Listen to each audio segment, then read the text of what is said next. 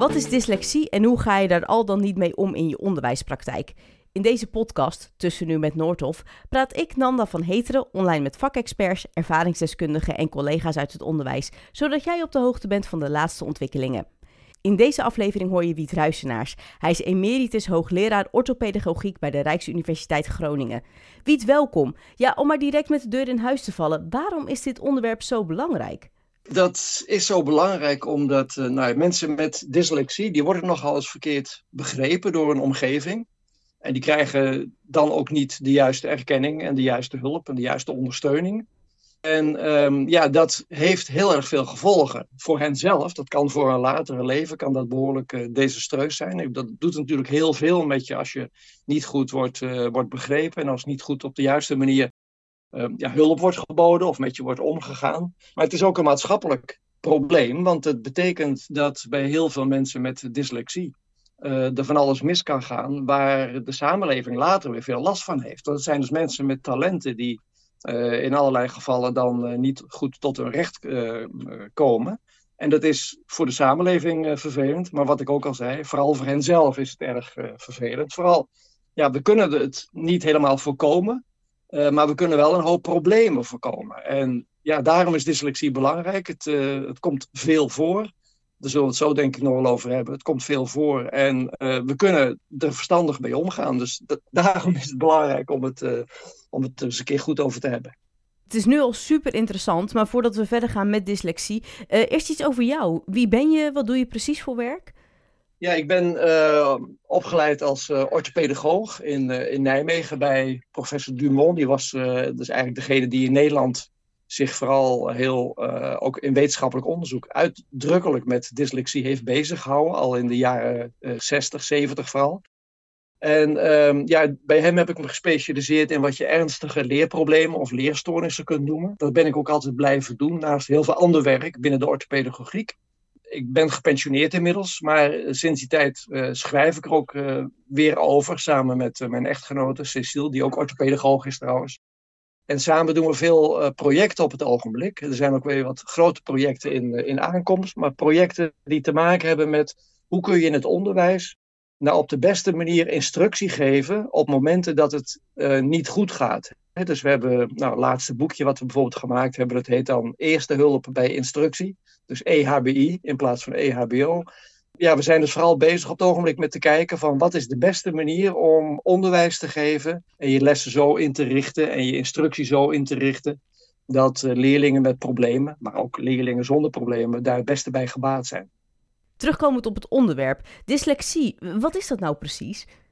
Um, ja, het meest opvallende bij dyslexie, dat is dat uh, basale kennis in het lezen, dat die niet geautomatiseerd raakt. En daar bedoel ik eigenlijk mee, als uh, wij lezen, dan, lezen we, dan zien we dus allerlei lettertekens uh, en patronen daarin. Hè, bijvoorbeeld de sch is een patroon, zou je kunnen zeggen, maar de k is een losse teken.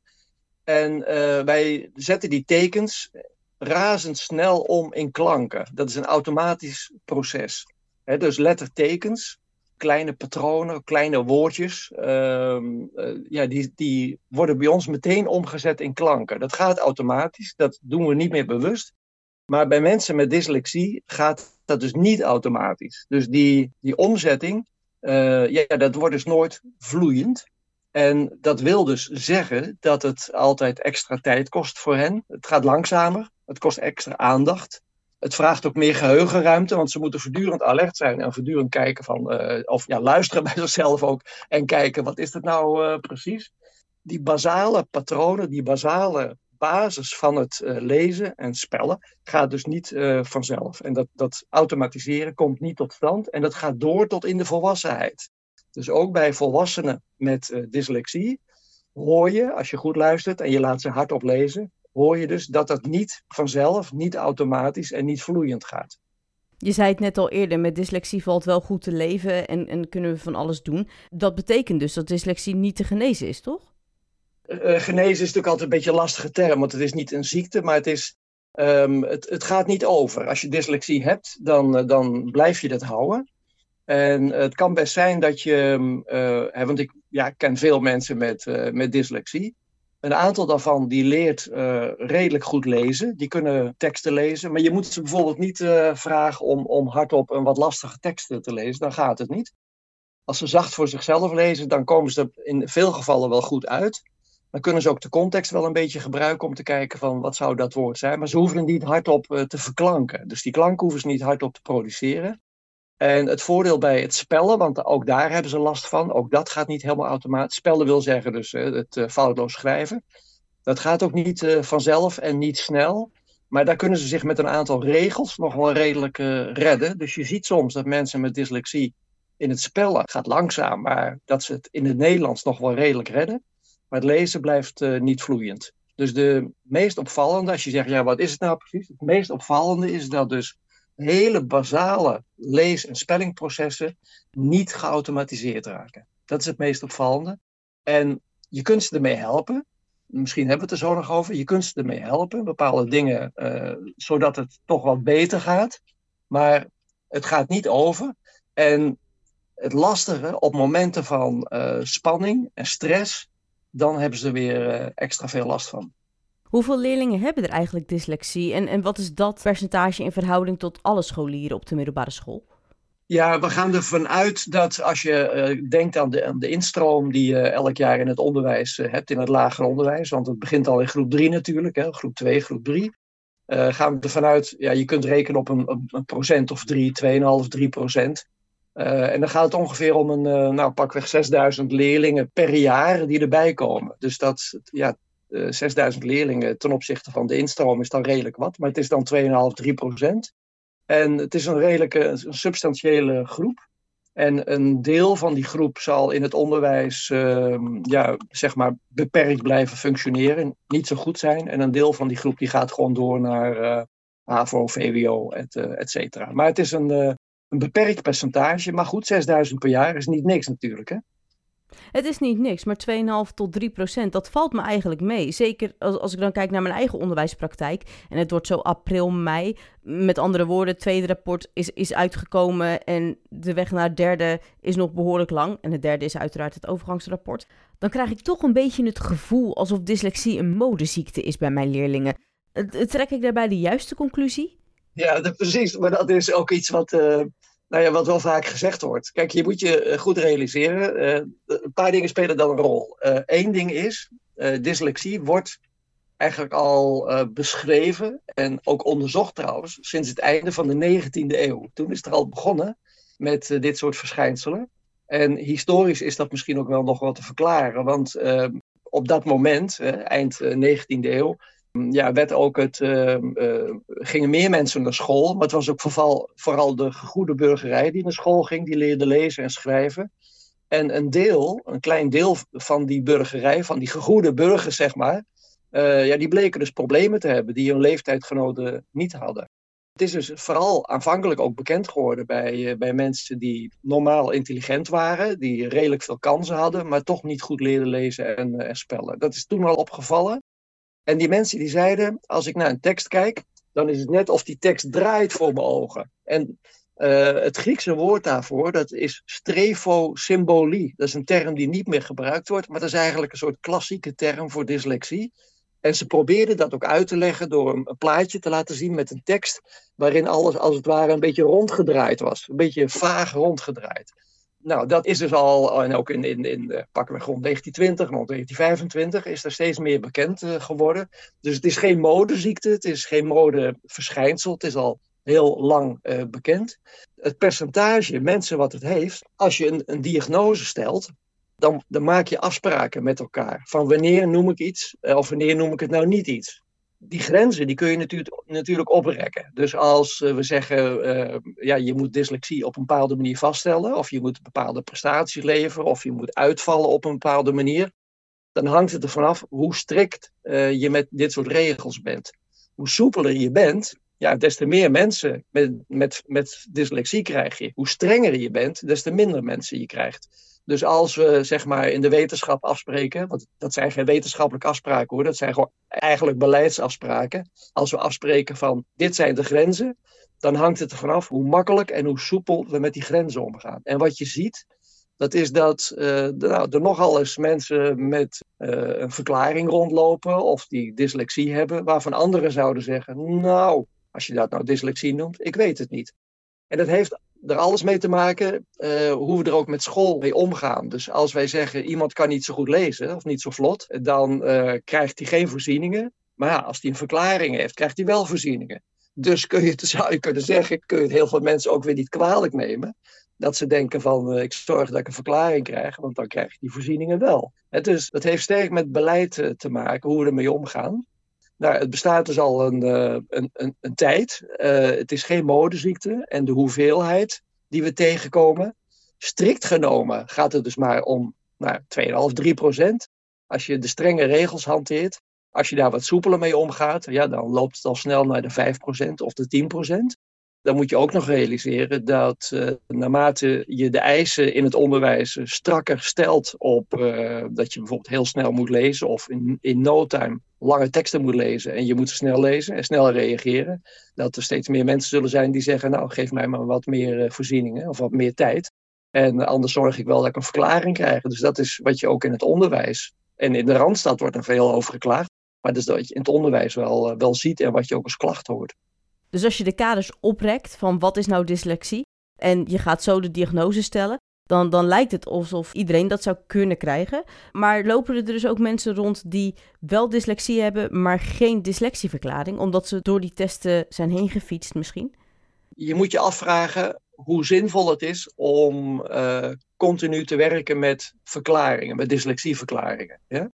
Op het moment dat je zegt, je krijgt in het onderwijs extra ondersteuning of je krijgt extra voorzieningen, maar je hebt een verklaring nodig, ja, dan roep je dus allerlei uh, reacties op bij mensen. Dat is gewoon, dat kun je voorspellen.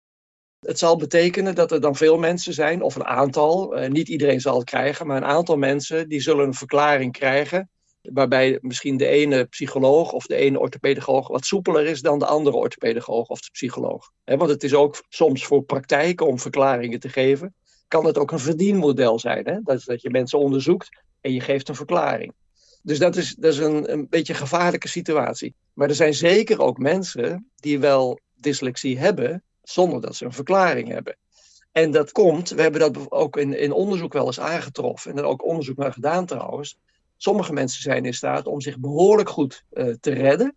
En we weten ook van, uh, we hebben onderzoek gedaan bij hoogbegaafden met uh, dyslexie dat die redelijk lazen. Niet heel goed en ietsje zwakker dan het gemiddelde, maar redelijk. Terwijl in andere vakken, in wiskunde, behoorden ze tot de absolute uh, top.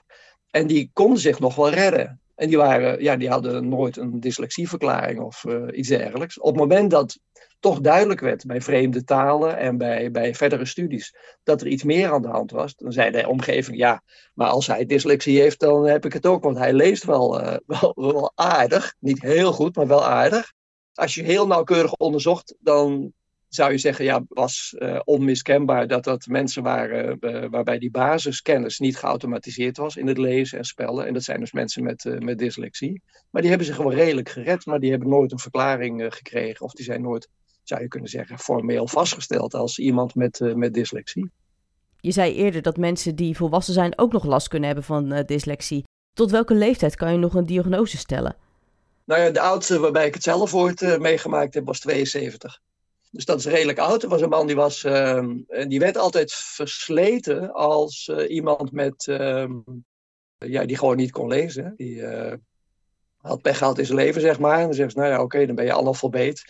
Gewoon niet kunnen lezen. En hij vond dat van zichzelf eigenlijk niet. Dus hij dacht, er is met mij iets anders aan de hand. Ja, ik heb wel wat pech gehad in mijn leven, maar ehm, ik, ik, hij voelde zich geen analfabeet. Dat eigenlijk heel raar. En hij, maar hij zat wel in een groep mensen in een alfabetiseringscursus. Dat hebben we vaker meegemaakt hoor. Ik heb ook in, eh, in, eh, in Leuven op de universiteit ehm, gewerkt. En daar hadden we contacten met, uh, met alfabetiseringsgroepen waar ook oudere mensen in zaten.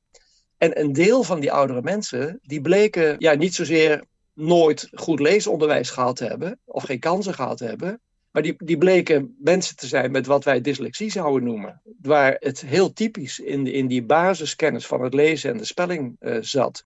Dus deze man met 72, die hebben we toch nog uh, ja, op een bepaalde manier kunnen leren lezen. Zodat hij, en dat wilde hij ook, uh, zijn krantje kon lezen of uh, bepaalde onderdelen uit de krant uh, kon lezen. Maar die was 72. Dat was mijn oudste ervaring, zeg maar. Je kunt het dus altijd vaststellen. En zeker is het zo dat in het verleden ook niet iedereen onderkend werd als misschien iemand met dyslexie. En die zijn er dus eigenlijk doorheen geschoten of die zijn andere dingen gaan doen in hun leven.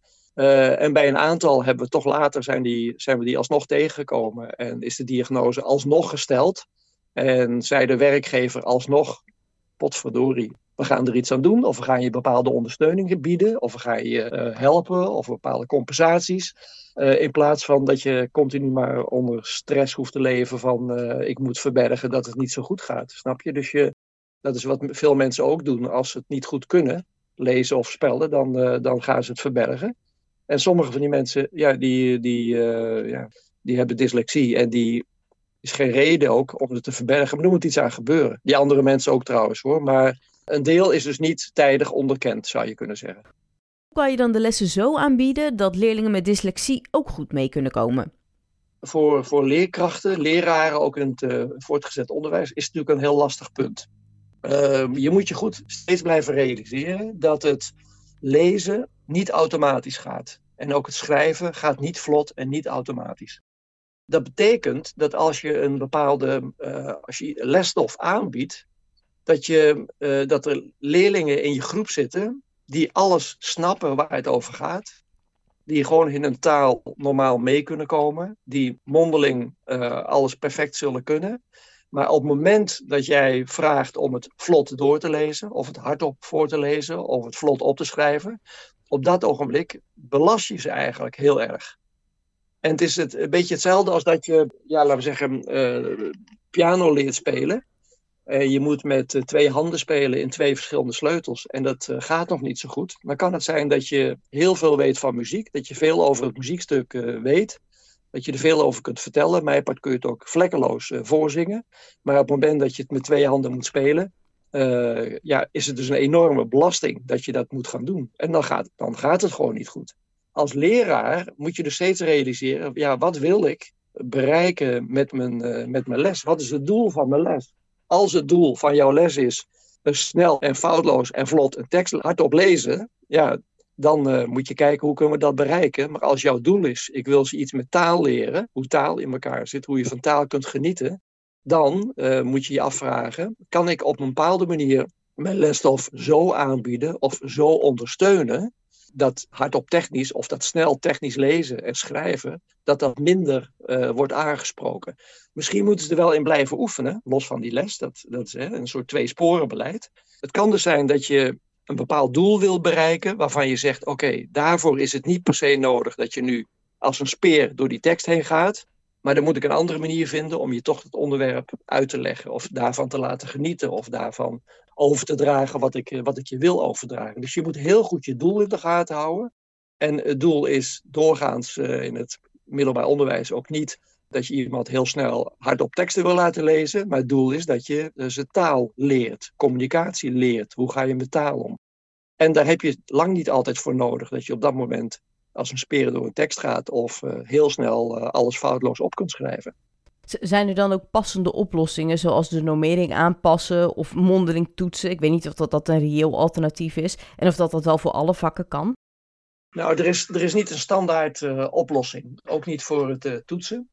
Uh, wel meer tijd, daar zal ik zo nog even iets over zeggen. Maar het eerste wat eigenlijk altijd moet gebeuren is overleggen met een, met een leerling. Als bekend is dat hij dit probleem heeft, kijken wat werkt voor jou het beste.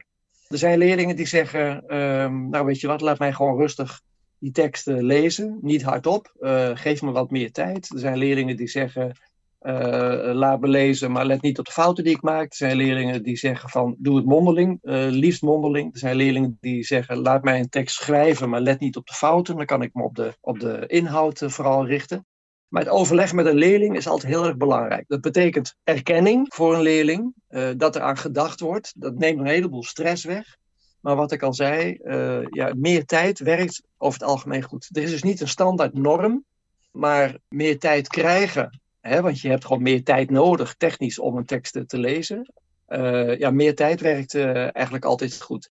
Kijk, dat meer tijd en dat je meer tijd nodig heeft, dat komt omdat als de techniek van iets jou meer aandacht vraagt, dan heb je niet tegelijkertijd die aandacht vrij om bijvoorbeeld op de inhoud of op de essentie van een tekst te letten.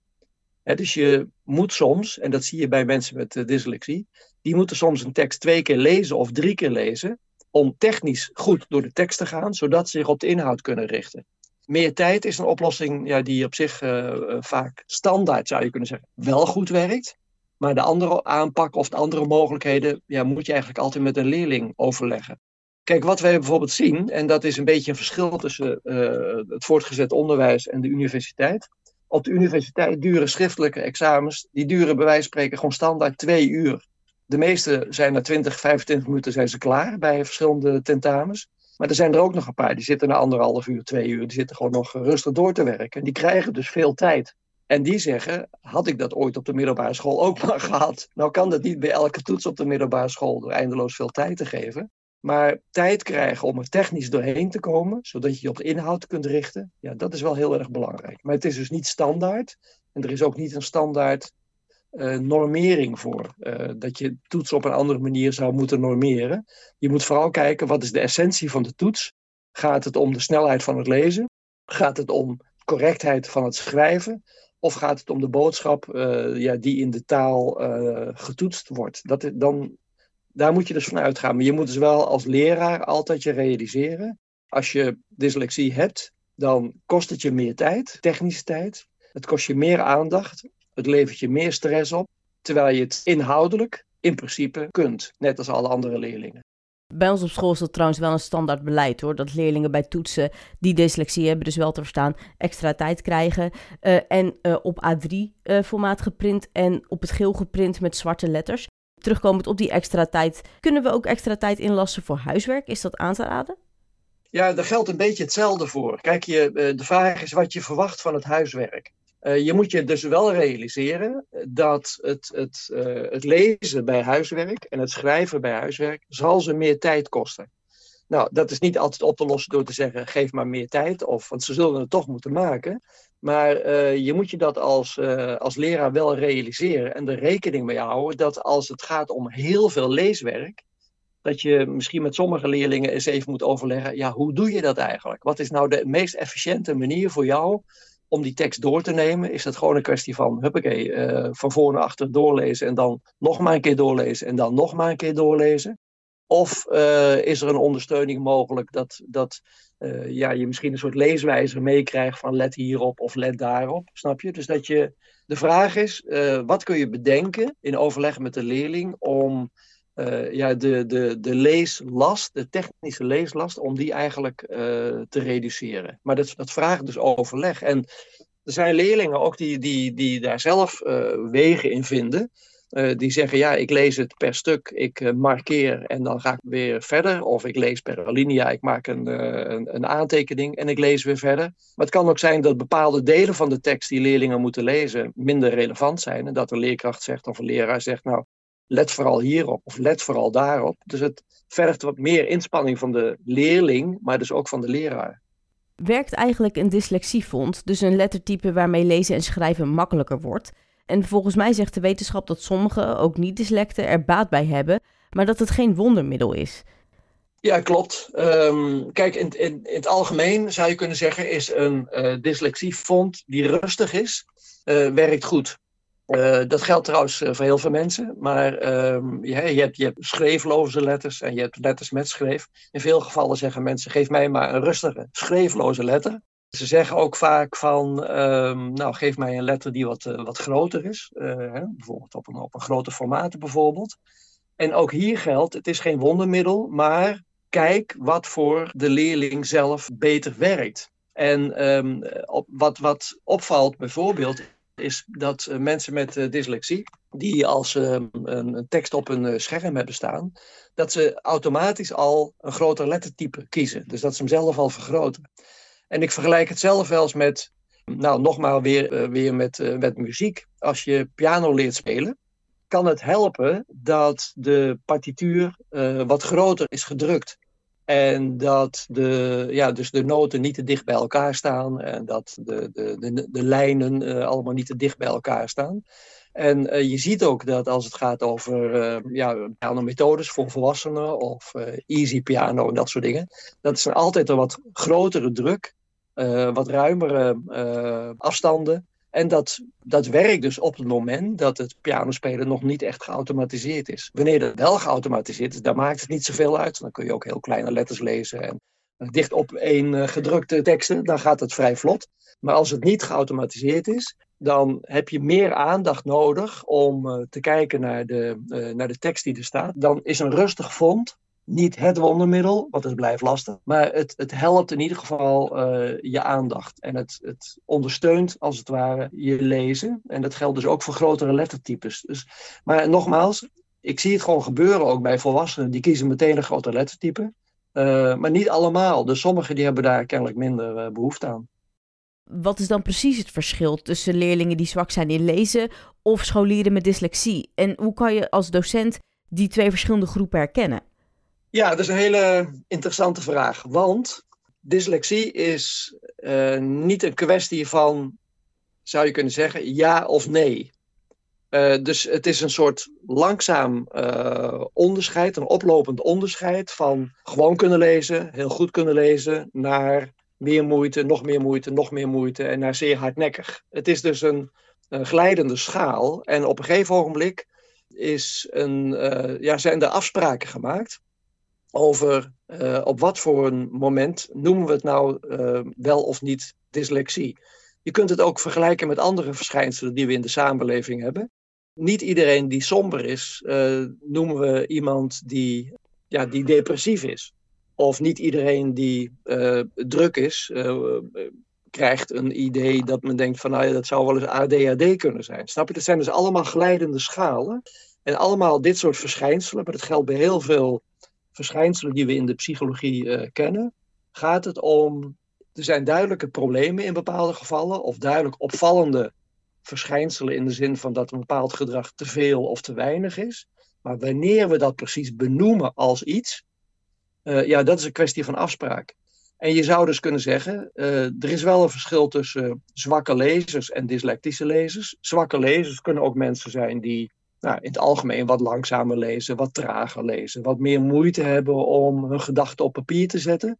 Uh, en dyslectische lezers, waarbij het uiterst hardnekkig is en waarbij het al van meet af aan opvalt dat die hele basale kennis niet geautomatiseerd raakt. Dus het is ook een beetje, het is een glijdende schaal. En het onderscheid tussen wel of niet dyslexie is in feite niet een wetenschappelijk onderscheid, maar is, zou je kunnen zeggen, een beleidsonderscheid. Dat, dat gebruiken we om er in de samenleving, in het onderwijs en in de hulpverlening uh, ja, bepaalde maatregelen te nemen. Maar het is ook wat je in de hele gezondheidszorg uh, tegenkomt. Je hebt iets wel of je hebt iets niet. Dat willen we altijd graag zo benoemen. Maar strikt genomen is dat een beetje een. Uh, ja, we houden onszelf wat voor de gek. Want we zitten altijd met discussies rond grensgevallen. Dat we zeggen, ja, is het nou wel of is het nou niet? En dat is dus ook bij zwak lezen en bij, bij dyslectische lezers. Op het moment dat je zegt, ik pas me pas aan aan het individuele lezen. Ja, dan heb je dus een soort criterium nodig om te zeggen, ja, nou, hier pas ik me aan met bepaalde maatregelen, maar daar pas ik me niet aan met bepaalde maatregelen. Snap je? Dus het onderscheid is gradueel, is, oplopend. Maar er is wel een moment, zou je kunnen zeggen, waarop iedereen zegt, dat zijn dus de extreme gevallen, hè, dus denk aan die 2,5, 3 procent, uh, waarvan iedereen zegt, ja, dit is nou typisch, dit zijn mensen waar we het hebben over dyslexie. Maar er zit een redelijk grijs gebied tussen dyslectische lezers en de zwakke lezers, uh, ja, die niet zo heel vlot zijn.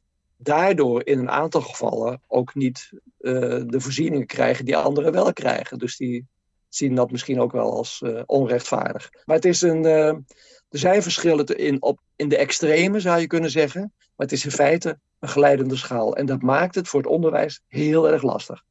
Is er een verband tussen dyslexie en dyscalculie? Uh, is er sprake van comorbiditeit? Dus dat je één of meerdere aandoeningen hebt naast de hoofddiagnose? En is dat tussen dyslexie en andere aandoeningen? Ja, er is een heel sterk verband. Dat komt omdat, uh, wat ik in het begin zei, dyslexie, het centrale kenmerk van dyslexie, dat is dat je basale kennis, dus die, die koppelingen tussen tekens en klanken, uh, kleine woordjes, letterpatronen, dat het niet geautomatiseerd is. En bij dyscalculie zien we iets gelijkaardigs. dat de hele basale kennis, en dan moet je denken aan uh, tellen, telrij vooruit, vooral ook de telrij achteruit, maar ook de plus- en minsommen, de uitkomsten van plus- en minsommen tot 20, dat die niet geautomatiseerd zijn. Dus ook bij volwassenen met dyscalculie zie je dat het rekenen tot 20 niet geautomatiseerd is, in die zin dat het, het kost meer tijd. Dus wij zien, als je dat nauwkeurig onderzoekt bij volwassenen met uh, dyscalculie, dan zien we dus dat die, uh, ze kunnen wel optellen en aftrekken tot 20, maar het kost ze gewoon meer tijd. Het is niet geautomatiseerd. Het kost ze meer tijd, meer aandacht. En de toepassing van dit soort sommen in de tafels, het gelijknamig maken van uh, breuken, het werken met, uh, met decimalen, het, het werken met het metriekstelsel, die basale kennis blijft zich wreken. Het gebrek aan basale kennis.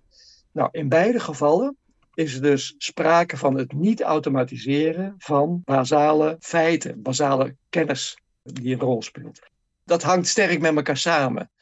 Dus de, als je de samenhang uitdrukt eh, op een schaal van 0 tot 1, dan uh, loopt die samenhang die loopt ergens in, op tot een buurt van nou ja, punt 70, pakweg. Zo ergens. Dus dat is behoorlijk veel. De kans als je dyslexie hebt, uh, dat je ook dyscalculie hebt, ja, die is ook groot. Die is, nou ja, pakweg ook 60, 70 procent. Dus die, die comorbiditeit is heel hoog.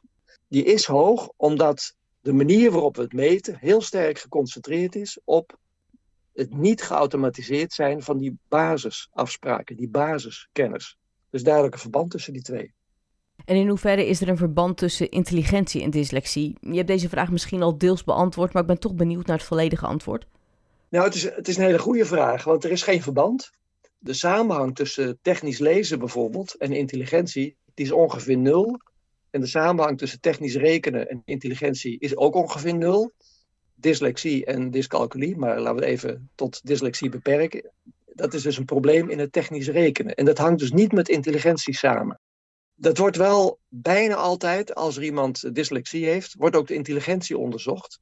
En wel om een reden die op zich merkwaardig is. Want dan wordt gezegd, ja, maar binnen je intelligentie uh, kijken we dan naar het profiel Misschien heb je wel een probleem in het werkgeheugen, of misschien heb je een probleem in de aandacht, of misschien heb je een probleem in de snelheid van uh, informatieverwerking. En dan wordt er naar een profiel gekeken. Maar we weten uit heel veel wetenschappelijk onderzoek dat er geen eigen profiel is binnen de intelligentie die samenhangt, het profiel dat samenhangt met, uh, met dyslexie. Dus mensen met dyslexie hebben niet een eigen profiel binnen de intelligentie. Toch wordt het heel vaak onderzocht.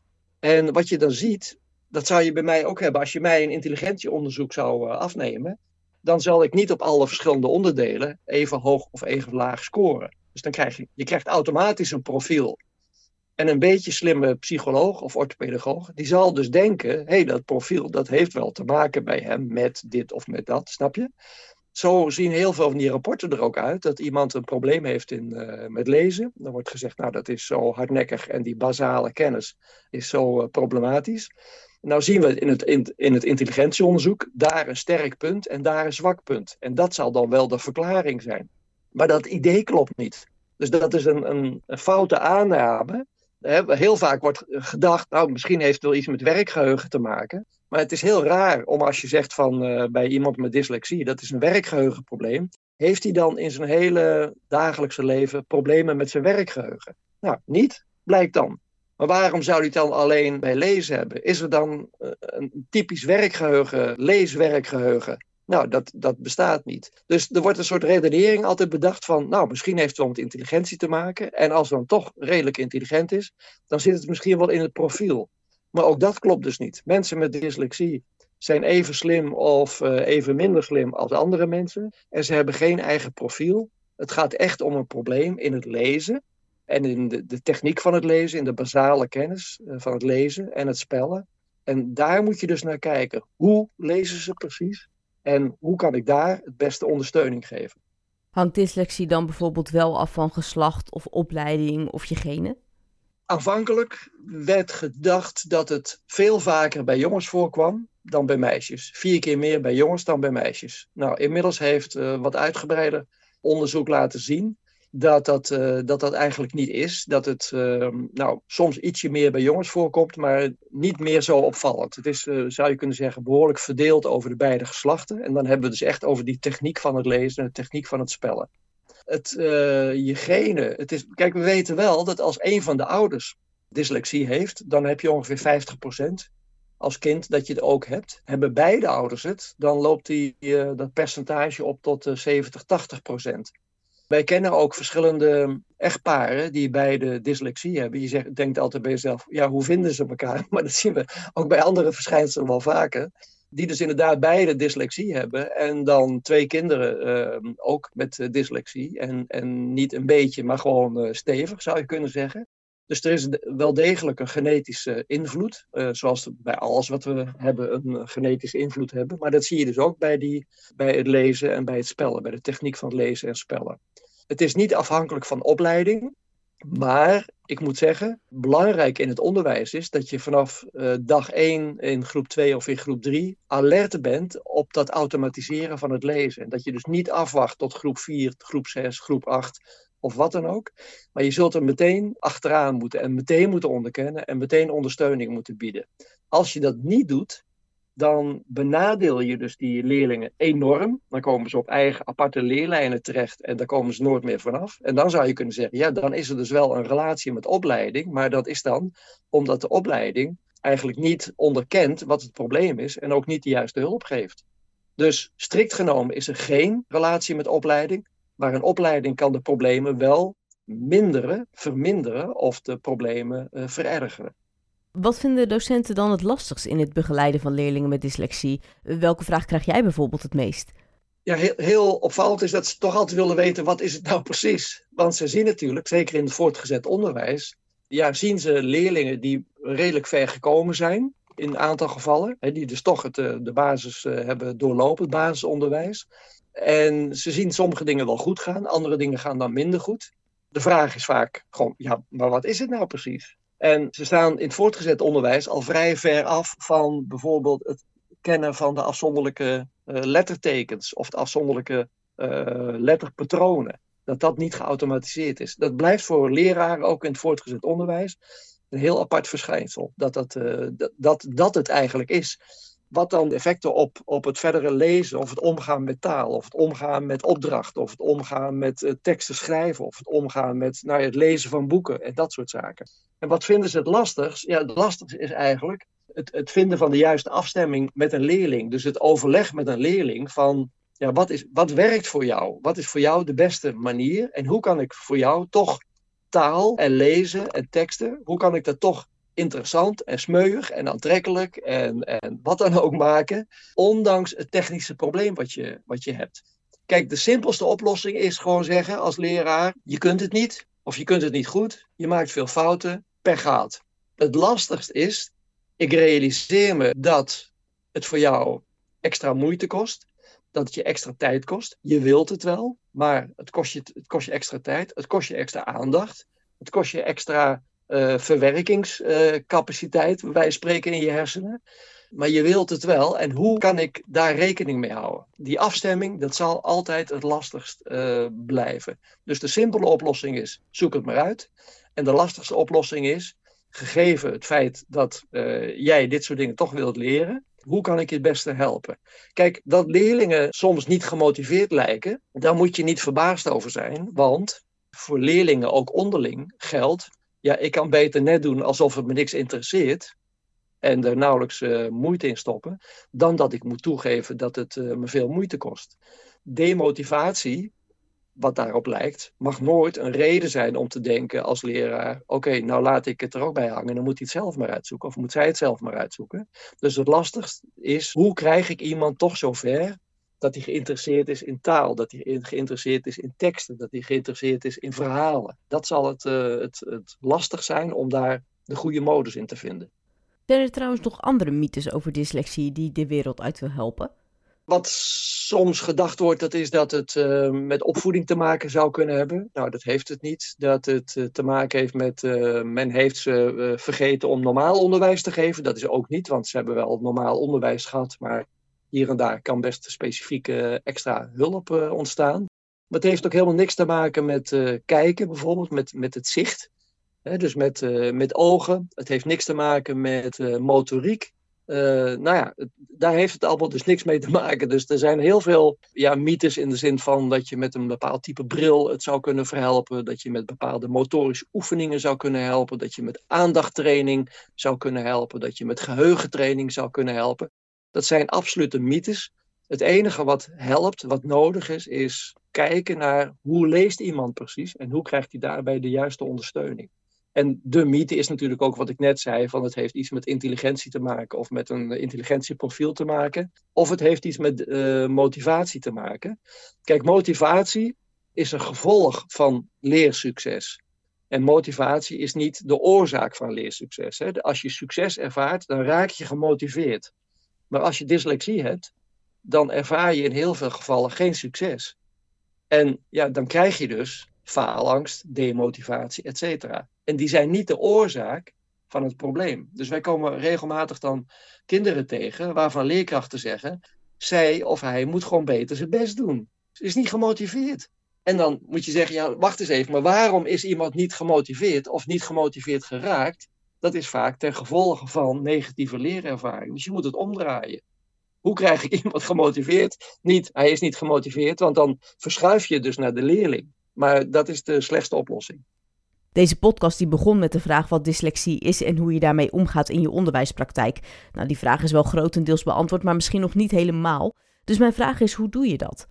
Ja, het antwoord is eigenlijk heel simpel. En dat is, doe zo normaal mogelijk. Dus zie dyslexie niet iets als uh, iets mythisch of iets, uh, iets heel geks. Het is een probleem in de basale techniek van het lezen en spellen. Uh, het is niet iets wat uh, samenhangt met uh, verkeerd opgevoed of gedemotiveerd zijn. Maar erken dat het probleem er is. Erken de leerling daar ook mee. En doe zo normaal mogelijk in de zin van: ga na wat is nou de essentie van wat ik kinderen wil leren, wat ik leerlingen wil leren. Heel vaak wil je ze ja, leren communiceren, wil je ze leren omgaan met taal. En je moet steeds je afvragen van, kan dat ook door um, ondersteuning te bieden bij een bepaald probleem wat iemand heeft, bij een bepaald technisch probleem? Als ik dat kan, ja, dan ben ik in staat om dus te, uh, rekening te houden met een, beperking die iemand heeft, een technische beperking, maar kan ik hem toch uh, meenemen in, in de lessen die ik wil geven en in datgene wat ik wil uh, overdragen. Dus erken het en doe zo normaal mogelijk. Maak er niet een uh, gek verschijnsel van, of een mythisch verschijnsel, of uh, wat, ik allemaal, wat er ook vaak in de, in de pers wel te lezen is. Doe zo normaal mogelijk. Het beste wat je kunt doen. Erken het en doe er iets aan. Ondersteun en help.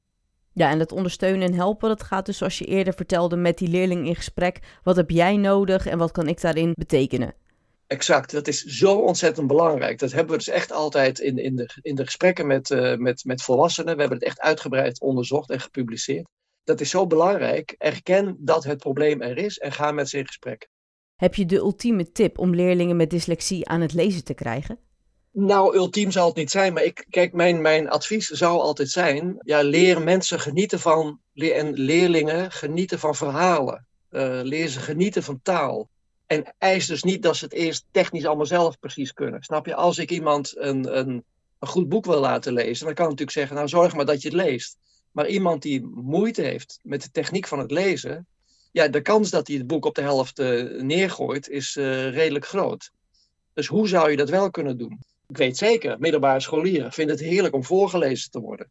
Vinden het heerlijk om naar luisterboeken te luisteren en misschien mee te lezen dus leg de nadruk op uh, het verhaal, op het genieten van taal, op de kracht van communicatie, op hoe je uh, met taal uh, met anderen kunt omgaan, welke mogelijkheden je daarin hebt als spreker, als luisteraar.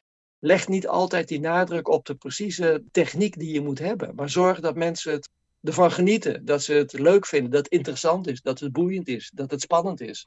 Maar nogmaals, leg dus niet altijd die eis op dat het technische idee van ja, eerst zelf lezen en dan gaan we erover praten. Maar dan, uh, ja, dan creëer je dus een probleem vooraf. Dus dat zou mijn tip in ieder geval zijn. Uh, leg vooral de nadruk op het genieten van taal, van lezen, van communicatie. En kijk hoe je de techniek uh, kunt omzeilen of kunt, kunt ondersteunen. Dankjewel voor dit interessante gesprek. Graag gedaan. Vind je deze podcast nou leuk? Beoordeel hem dan, zodat andere mensen hem ook kunnen vinden.